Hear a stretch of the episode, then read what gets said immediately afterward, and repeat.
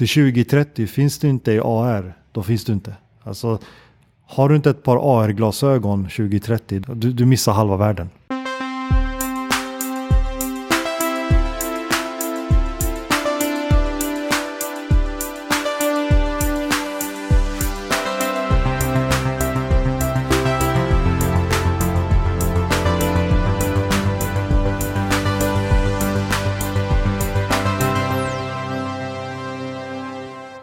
Framtiden tillbaka. Jag heter Christian von Essen. Sänder från min studio på Roslagsgatan i Stockholm. Nu mitt emot Amr Mohammed. Välkommen hit. Tack så mycket. Jag noterar att det var ganska snart eh, fyra år sedan vi sågs. Ja just det, ja, det kanske det är. Ja fan vad tiden går fort. Det är inte så många som har fått eh, göra comeback i, i podden. men eh, nu är du en av dem. Ja, kul. Ehm, och då sågs vi på Coops huvudkontor. Ja, Och ehm, eh, du var nytillträdd eh, digitalchef mm. på Coop.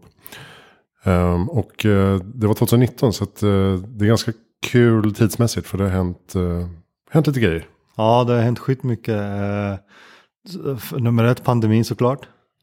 Och sen nummer två så har det ju kommit en, en revolution i, i tekniklandskapet. Mm. Eh, med ChatGPT och, och OpenAI och allt det där. Så nej, det har, världen ser helt annorlunda ut jämfört med för fyra år sedan.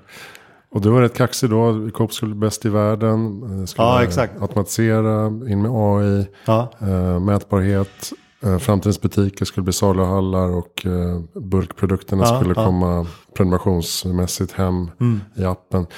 Och eh, inte så långt efter det så kom ju också Foodora Market och Volt och de här.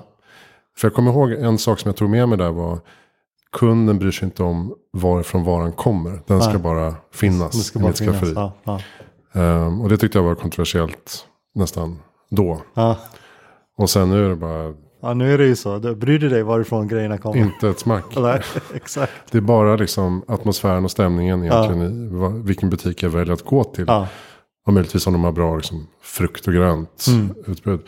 Resten är ju bara samma produkter som jag alltid köper. Mm. Ehm, ja, så det, det, du fick rätt i en del där. Samtidigt som man kanske inte har sett den riktigt snabba utvecklingen mot saluhalls eh, liknande butiker ännu. nej. Men, eh, Men det är på väg. det är på väg. Ge det fyra år till. Ja, precis. precis, du kan alltid skjuta fram Ja, fyra år.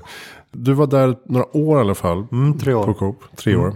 Och sen nu så är du fri och jobbar mest med föreläsningar. Ja, föreläsningar, seniorrådgivning i generativ AI-projekt och så vidare. Mm. Så det är kul. Eh, för jag kommer ihåg redan då så du eh, förutspådde att AI skulle bli då större än elektricitet. Ja. Eh, motsvarande för eh, en, en ny Mm. industriell revolution. Mm. Eh, eller du sa snarare hundra gånger Hundra gånger. Ja. elektricitet. Ja.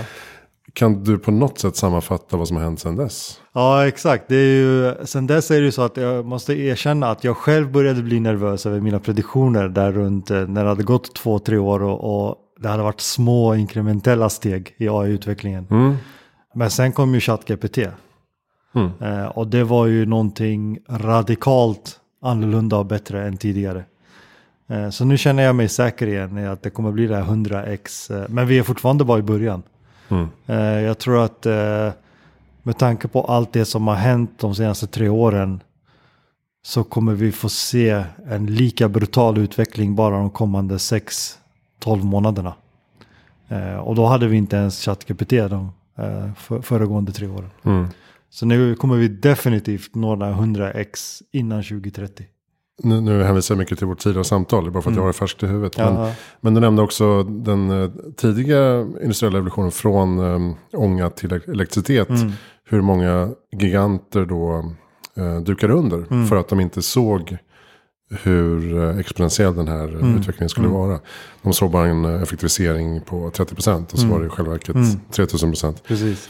Är vi i samma läge nu där företagen inte riktigt förstår ännu vad det här kommer, vart det här kommer föra oss? Ja, jag tror om man tittar på de traditionella eh, industribolagen så tror jag inte de eh, förstår alls vad det är som håller på att hända.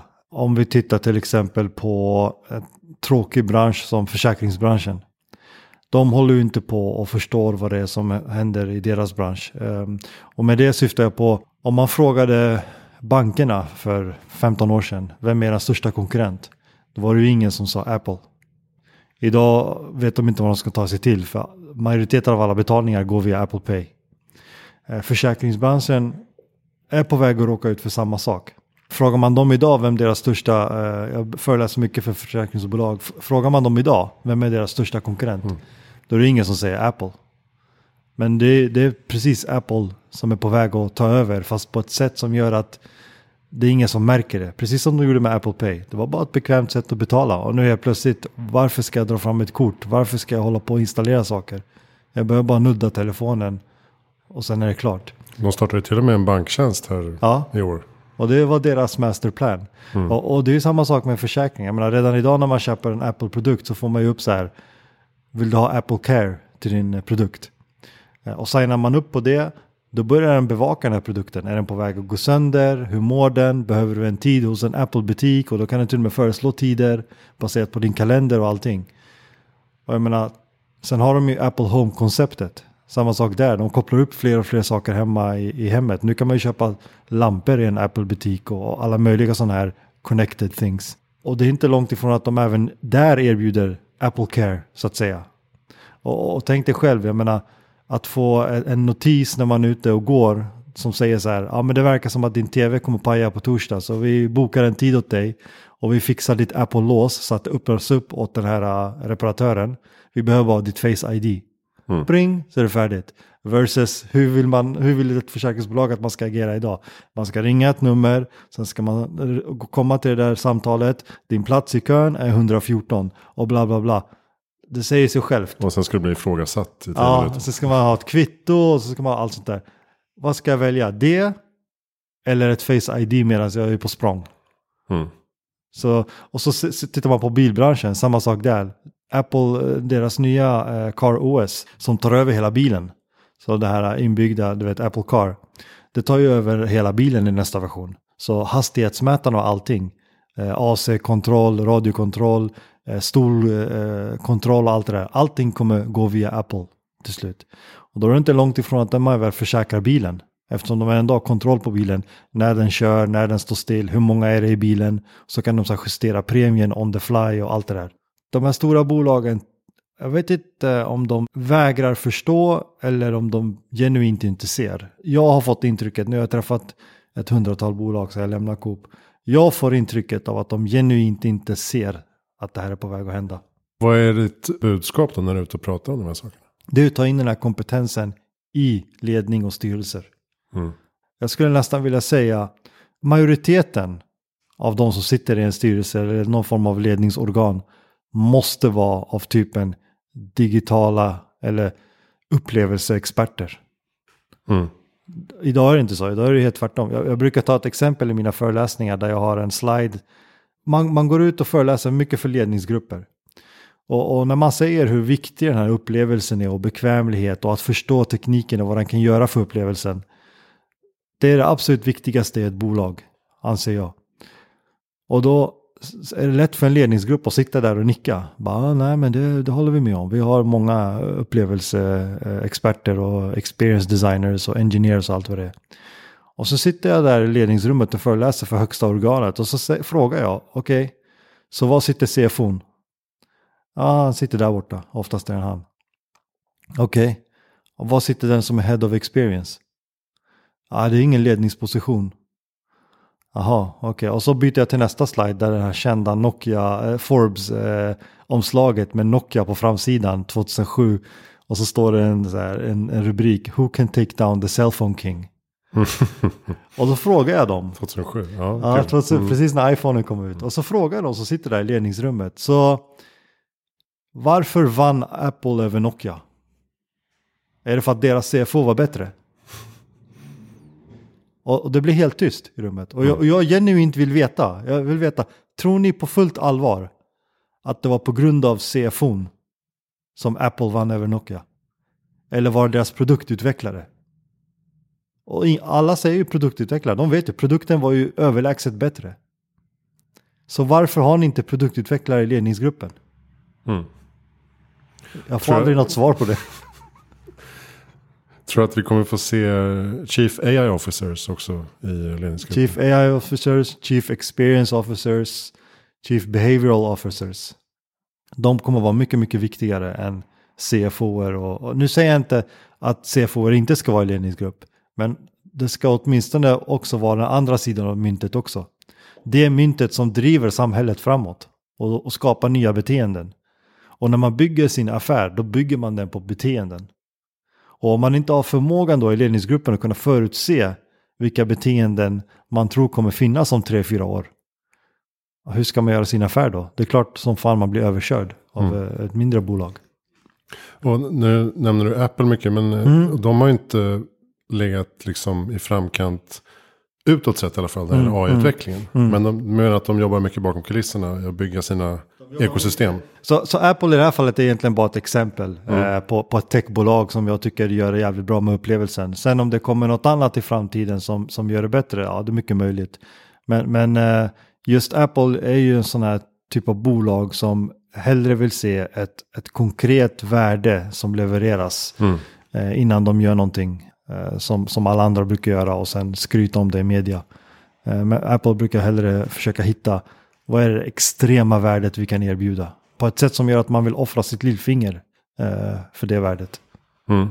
Vi kan återkomma till AI, men ehm, jag tänkte när vi ändå är inne på Apple, deras Vision Pro Mm. lansering som ska ske nästa år. Mm, mm. Hur känner du inför den? Alltså jag tycker det är skitspännande.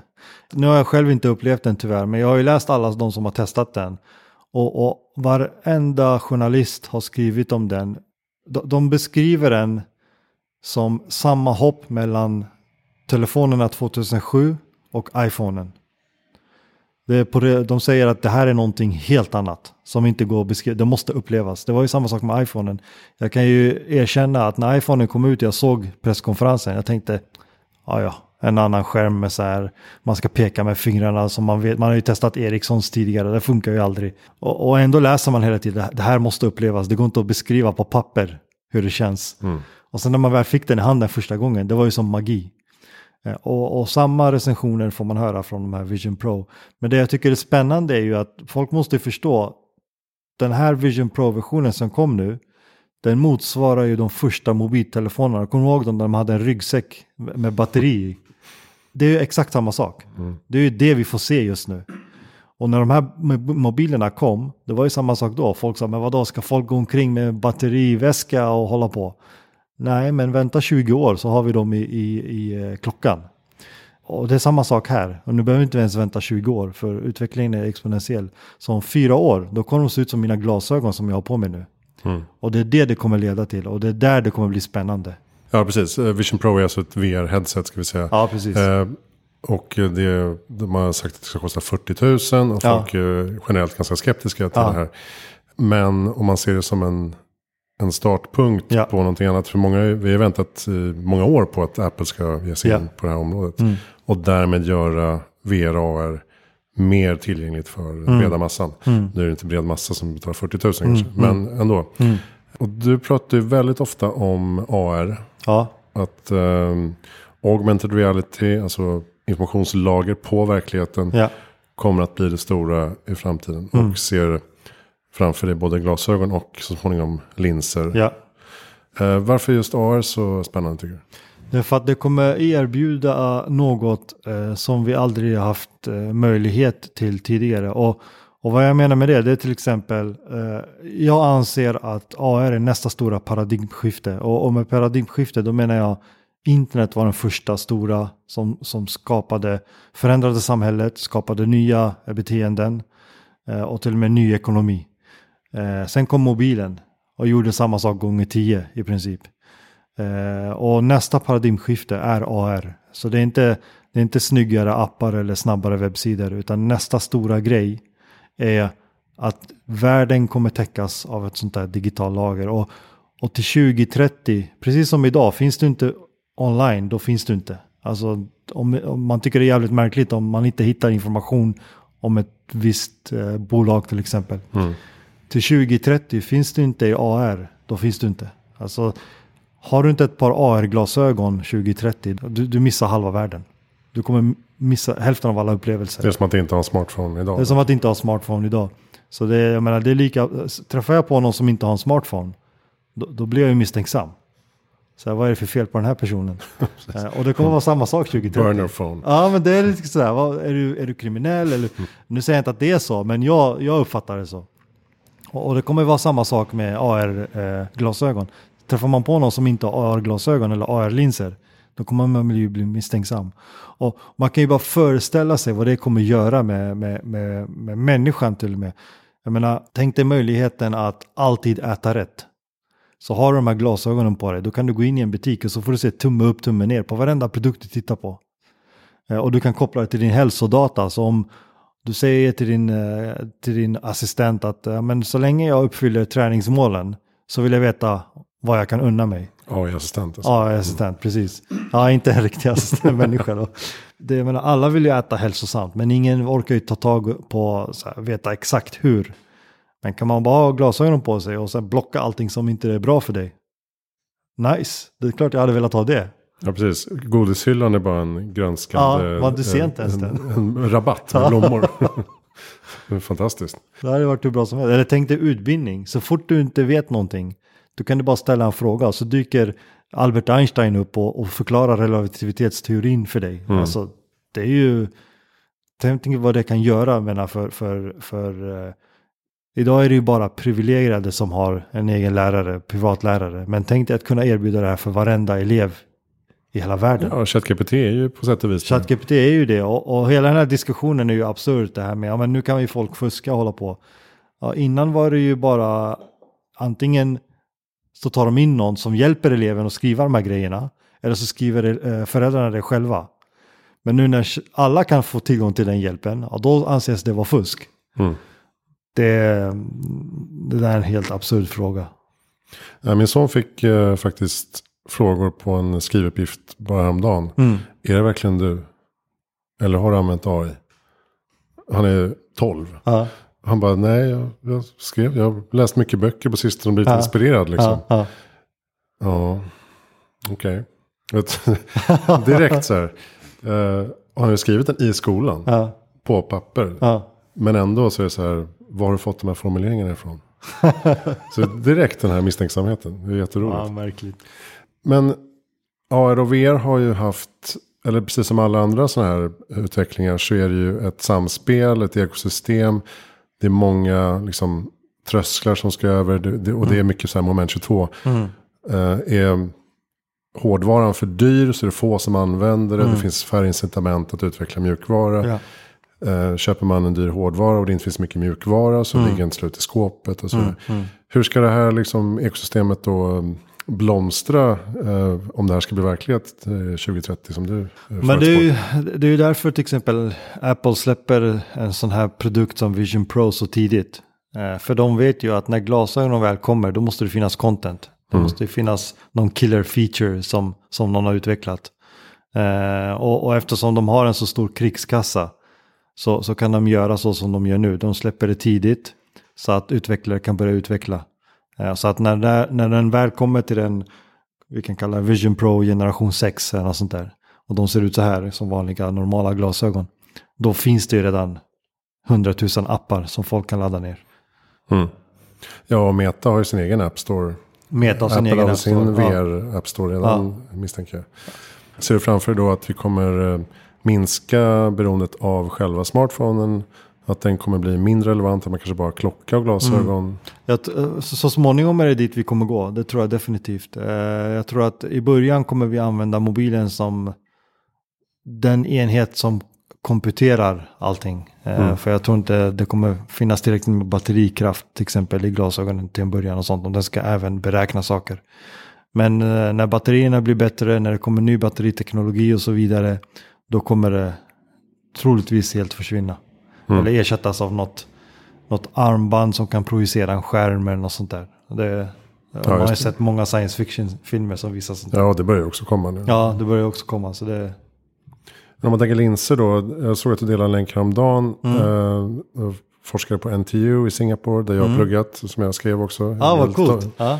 Jag pluggade i och för sig eko- ekonomi och marknadsföring. Men, men ändå.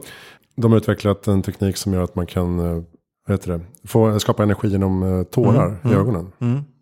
Det, det är sådana grejer är Ja. ganska spännande. och, ja, och det där är lite lustigt för i mina presentationer där har jag från ett annat bolag som heter Mojo Vision. Det är de som utvecklar de första linserna, eh, AR-linserna. Eh, och alltid när jag för, visar den här sliden då, där jag visar den här artikeln, att om inte du vill ha glasögon så kan du ha linser. För det är alltid någon som säger, om jag vill inte ha glasögon, ja men då finns det linser. Eh, och så är det alltid någon som frågar då så här, ja men eh, vad fan, varifrån kommer eh, batteriet? Var sitter det någonstans? Och, och, och de första versionerna då hade de bara, de, jag tror de höll bara tre minuter eller något sånt där, eh, de här linserna. Och så brukar jag på skämt då säga så här, ja men det kanske kommer ett batteri som man kan ladda med tårar.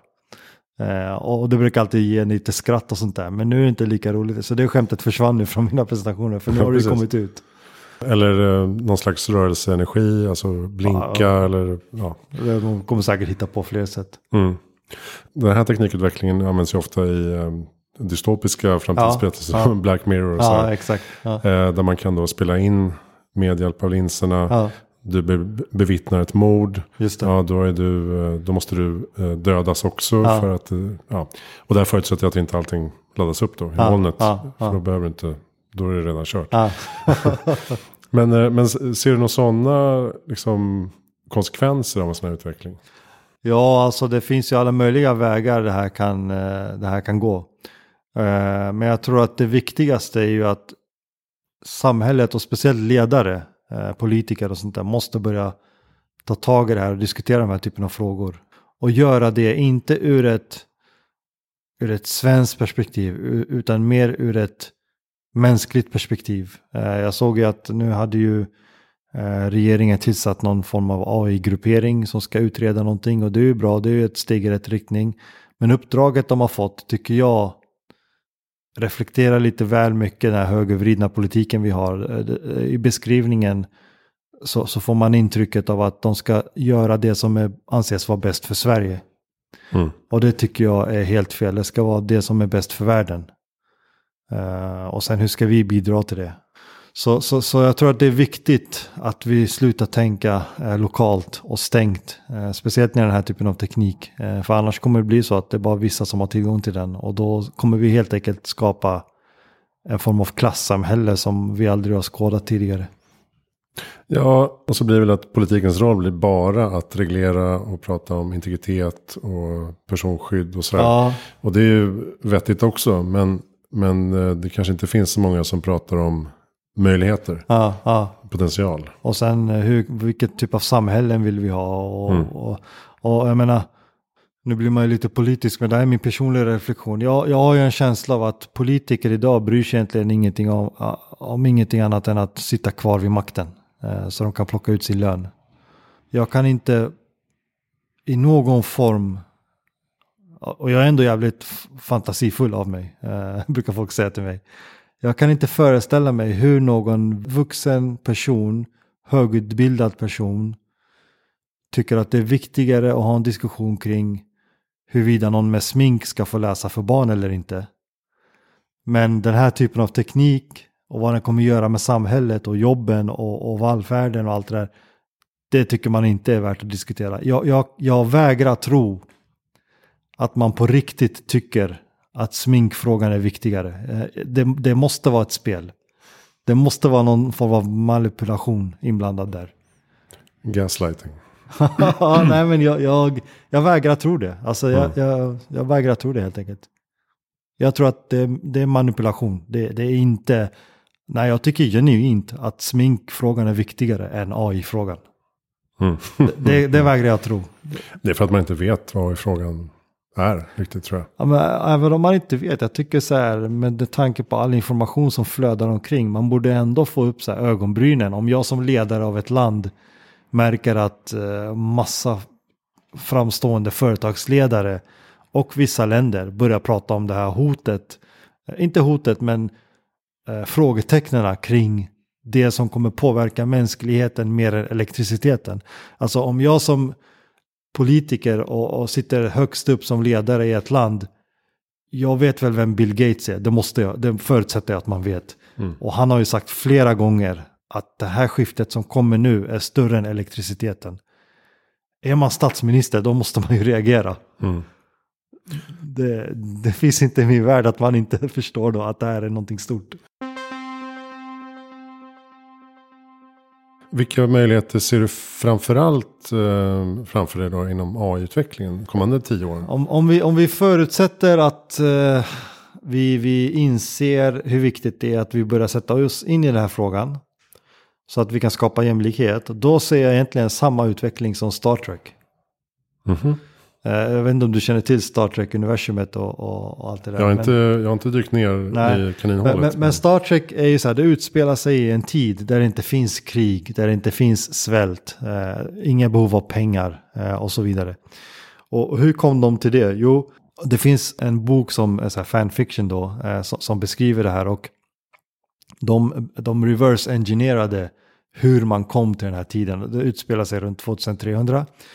Och då när man läser historiken hur världen blev så, då är det så här, runt 2030 eh, då blev eh, energi gratis. För det gick inte att ta betalt för det längre. Och vi är på väg dit. Jag menar det finns idag redan målarfärg du kan måla på ett hus. Och så börjar den här målarfärgen, det blir en solpanel. Och nu börjar alstra ström och sånt där. Och den gör det bara, jag tror vi utnyttjar 30% av solen idag. Till 2030 då lär vi oss att utnyttja 100%. Och så lär vi oss utveckla material, all, material. Den, bara alstra, den kan utnyttja solen eh, till 100%. Och det gör ju att det blir, energi blev gratis. Det gick inte att ta betalt för det längre. Så när energi blev gratis, då kunde fler och fler fokusera på att sätta sig i skolan istället för att försöka få mat på bordet. Och när fler och fler satte sig i skolan, då var det fler och fler som blev akademiker. Och då istället för att ha en Einstein var 30 år så fick vi en var tredje månad nu. Um, och, och det gjorde att vi löste frågan med artificiell eh, generell intelligens. Alltså en, en, ett AI som är lika smart som människan. Det löstes runt 2035, 37 någonstans där. Det i sin tur utvecklade artificiell superintelligens tre år senare. Så nu helt plötsligt hade vi ett AI som var en miljon gånger smartare än människan. Det AI i sin tur listade ut hur man omvandlar energi tillbaks till materia. Idag kan vi ju göra materia till energi, det är så att kärnkraften fungerar.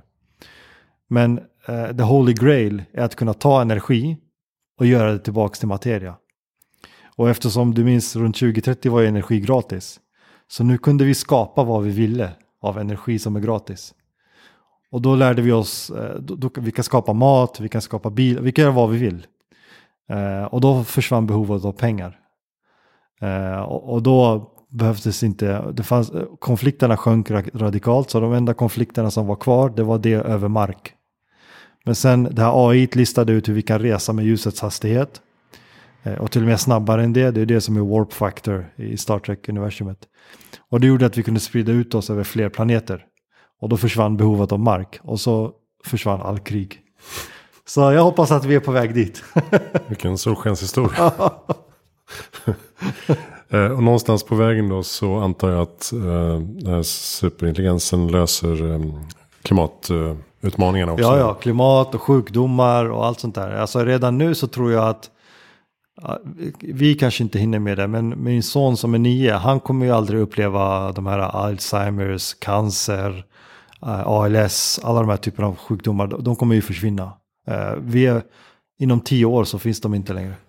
För att vi kan eh, utveckla vaccin mot dem Ja, som och- har genetisk benägenhet. Ja, nej, inte bara, jag vet inte hur exakt vi undviker dem, men eh, dels, jag tror det är en kombination av dels upptäcka de här typen av gener tidigt, till och med i fosterstadiet, men också eh, vaccin. Så jag tror det är en kombination av de båda.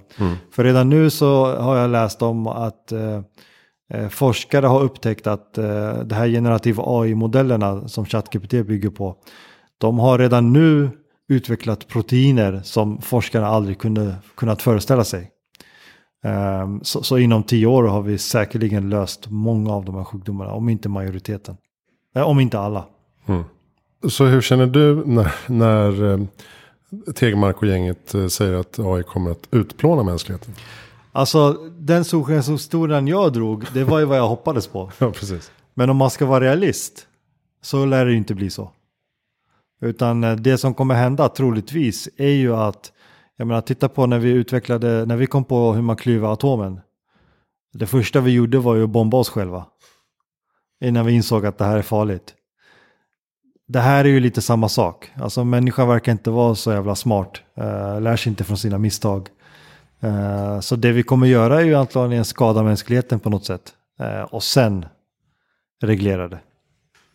Jaha, du tror på en uh, ja, stålbad? Jag, ja, jag tror det. Ja. Alltså titta bara på, jag menar, tittar man på vad som händer runt om i världen så vrider man sig mot högerpolitik. Och de som överlevde den senaste vågen av, det finns fortfarande folk som överlevde den senaste vågen av högerpolitik under andra världskriget. Så innan de ens har dött ut så har vi gått runt 360 och kommit tillbaka till högerpolitiken. Och vi kommer säkert gå in i en era där vi återigen kommer ha något tredje världskrig över samma skit. Eh, så, så, så, så tittar man på mänskligheten så verkar vi inte vi vara särskilt smarta. Alltså jag vet inte varför vi inte lär oss av, av våra misstag. Så tyvärr så kommer det även vara så när vi kommer med teknologiskt genombrott. Vi, vi kommer använda det till ondo innan vi förstår att shit, det här var ju riktigt allvarligt. Eh, tyvärr. Eh, men jag är optimistisk. det, det, är väldigt uh, både och. Ja, jag. Alltså jag, jag, jag, är optimist, jag gillar att vara optimist. Så, så, jag hoppas att vi, någon lyssnar på det här kanske och sen säger fan det är fan sant, vi behöver ta tag i det här på riktigt. Men tycker du att vi behöver reglera hårdare på en gång nu?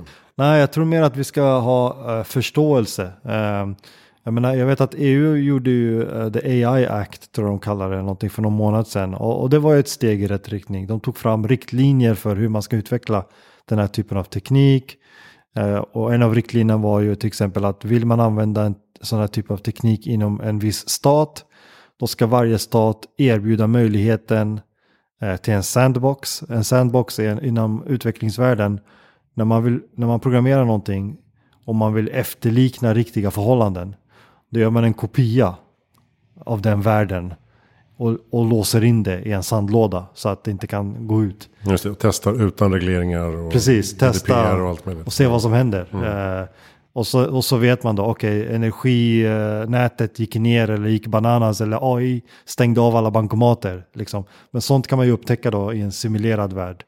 Mm. Um, och det tyckte jag, det lät ju vettigt. Det tyckte jag, men det där låter oss fortsätta utvecklingen och testa i riktiga scenarion, alltså eh, simulera riktiga scenarion. Och sen, jag menar, de bolagen själva, upptäcker de att AI stängde ner energigriden, då vill de ju inte lansera det sen, det, det säger sig självt, utan de vill ju lösa problemet. Vad hände? Varför tyckte AI att det här var ett hot eh, på något sätt? Mm. Eh, så, så, så, så jag, jag hoppas och, och det verkar, ja, tyvärr måste jag nästan säga, det verkar som EU är mer drivande i det här än vad enskilda stater är.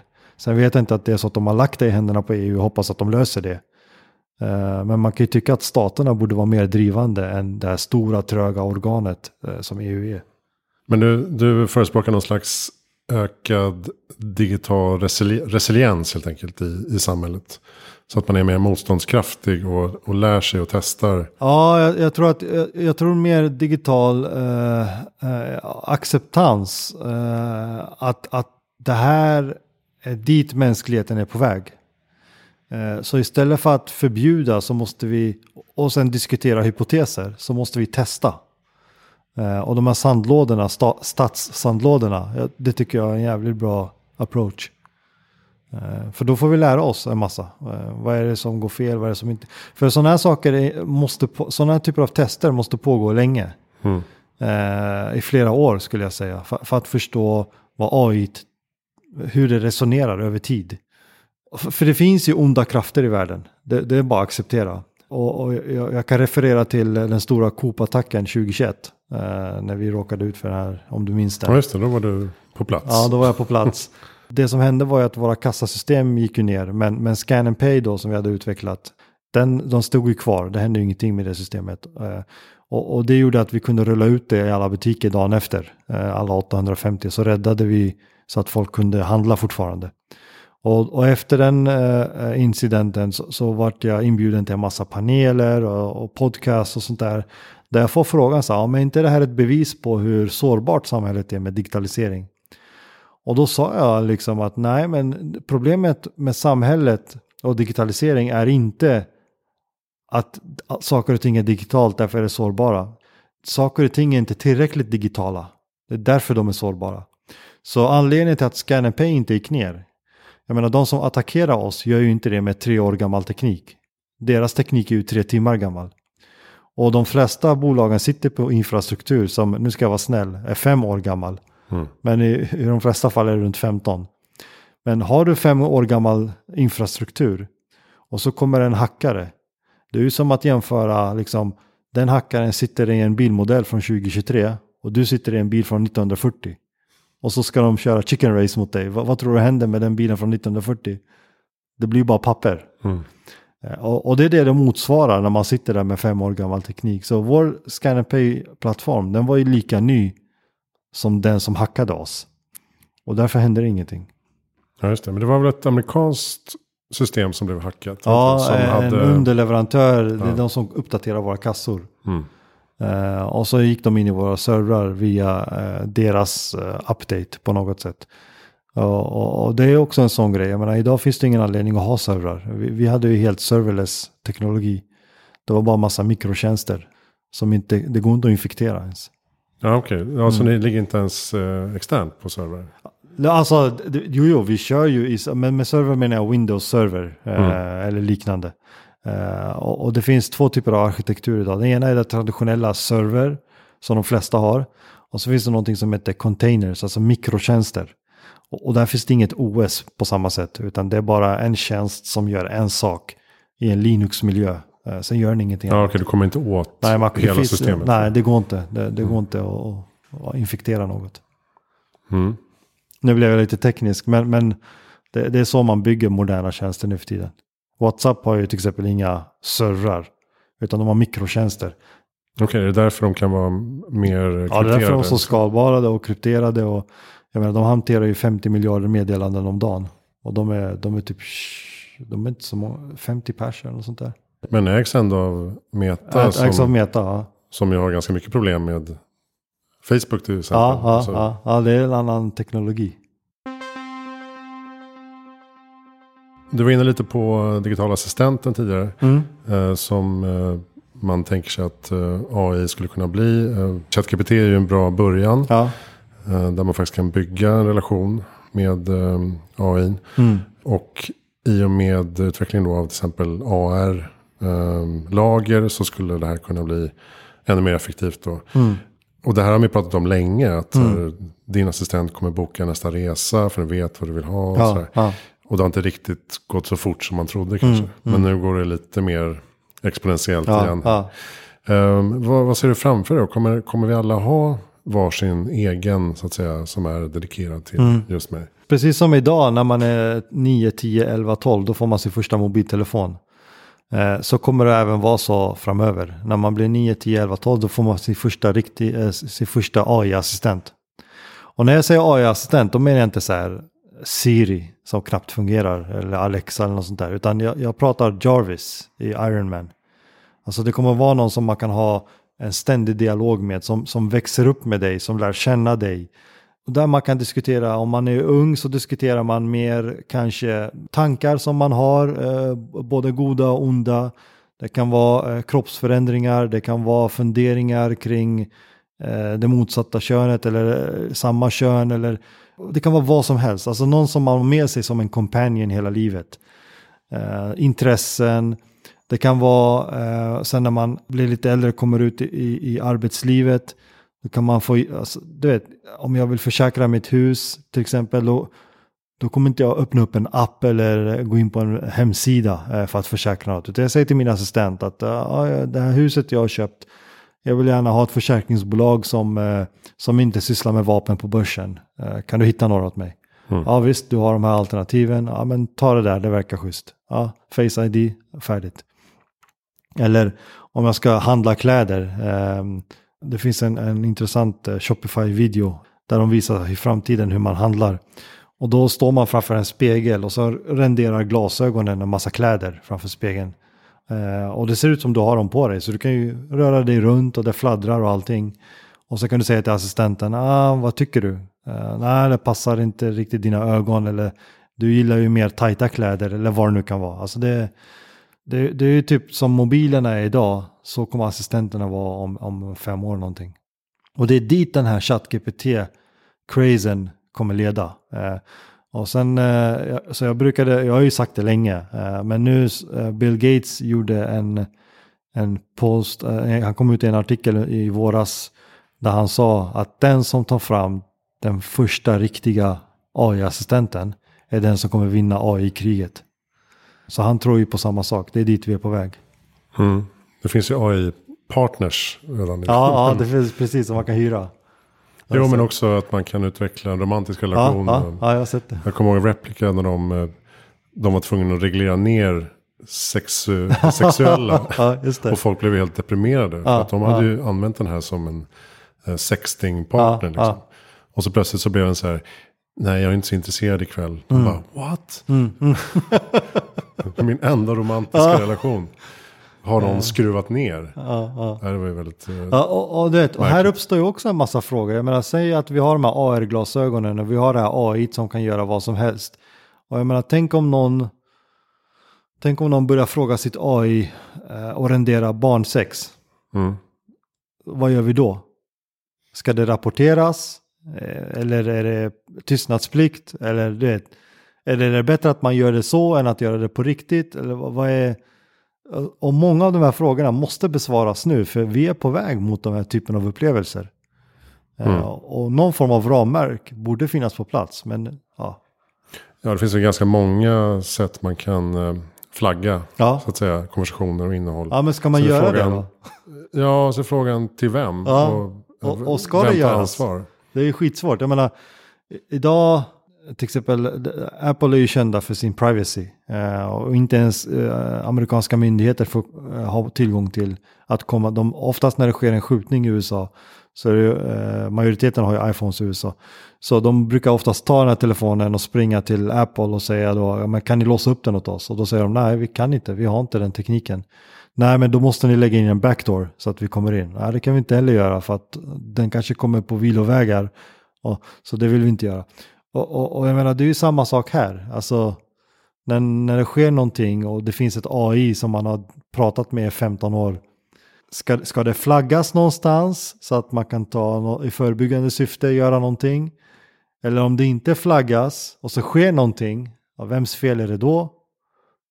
Hur många frågor som helst. Ja, precis. För om det ska vara en coach, en uh, samtalspartner, kanske till och med terapeut. Ja, ja, Då måste det finnas någon slags tystnadsplikt och kryptering. Ja, Så jag vet ja. att jag kan berätta vad som helst ja utan att utan bli... att det flaggas eller...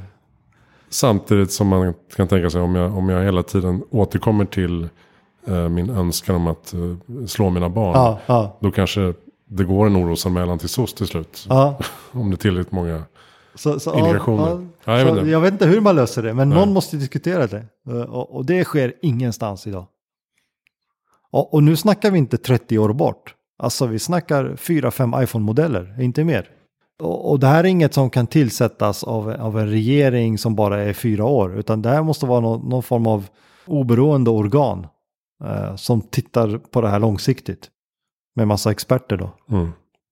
Men varför tror du att Siri, Alexa, Hey Google de är så fruktansvärt dåliga idag? Ja, jag vet varför. Eh, De i princip funkar enligt premissen if else. Alltså om någon ställer den här frågan, då är det här svaret. Och det är i princip hårdkodat på det sättet. Varför har inte de implementerat eh, motsvarande GPT? Ja, ja, den tekniken fanns ju inte bara för fyra år sedan. Nej jag vet, men, men det borde ju redan finnas. Jaha, nu, du menar nu? Ja. Ja. jag är helt säker på att det kommer komma. Alltså de har, de har ju egentligen inte hunnit ersätta Siri med, eller Alexa eller någonting. Men jag är helt övertygad om att de kommande 18 månaderna så kommer det komma nya versioner som bygger på den här nya tekniken. Mm. Ja, det är jag helt övertygad om att de sitter och, och klurar på. Bra.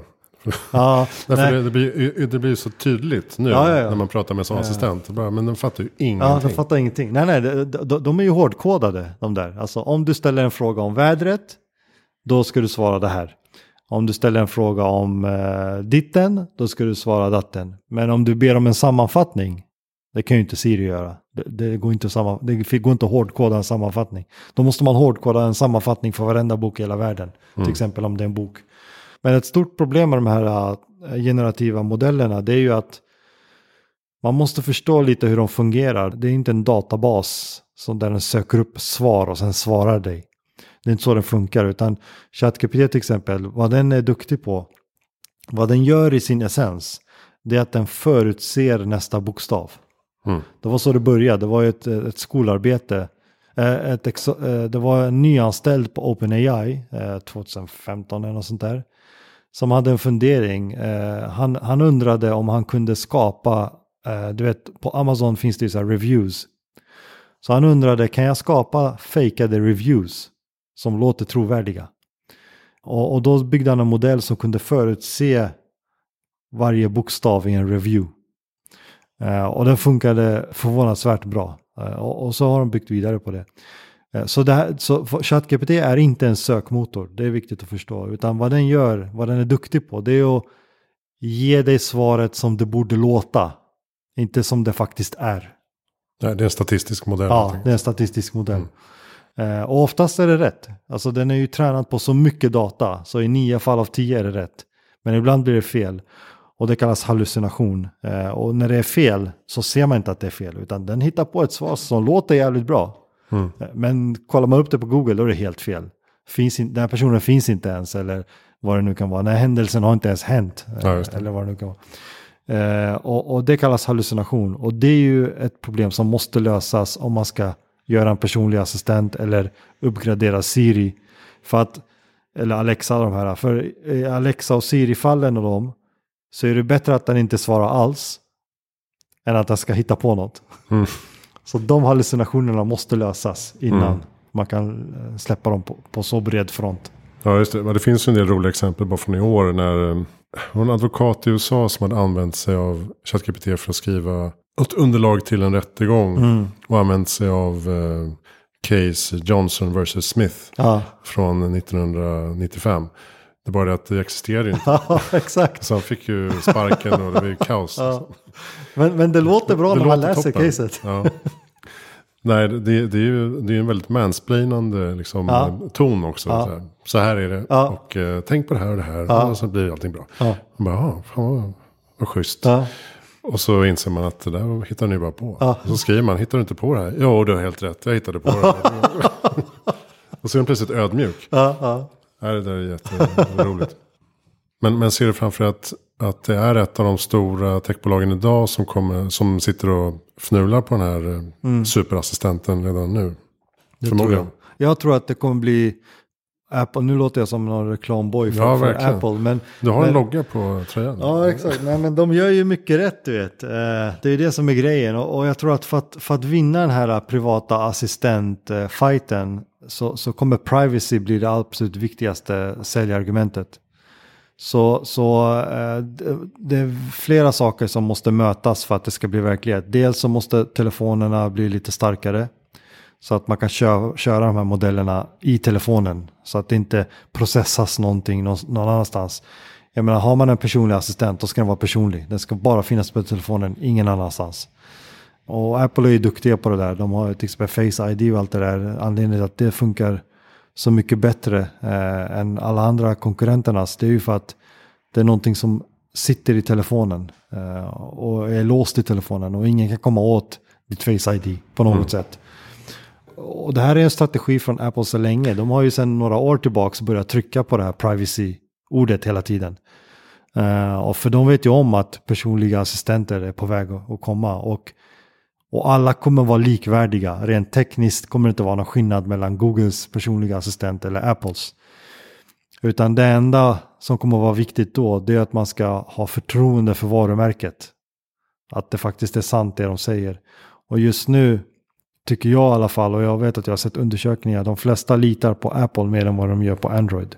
Ja, okej. Ehm, just för att eh, man har ju hört många historier om Android-appar som har kommit in och gjort annat än vad de påstår sig göra och gjort saker i telefonen som inte de ska göra och så vidare.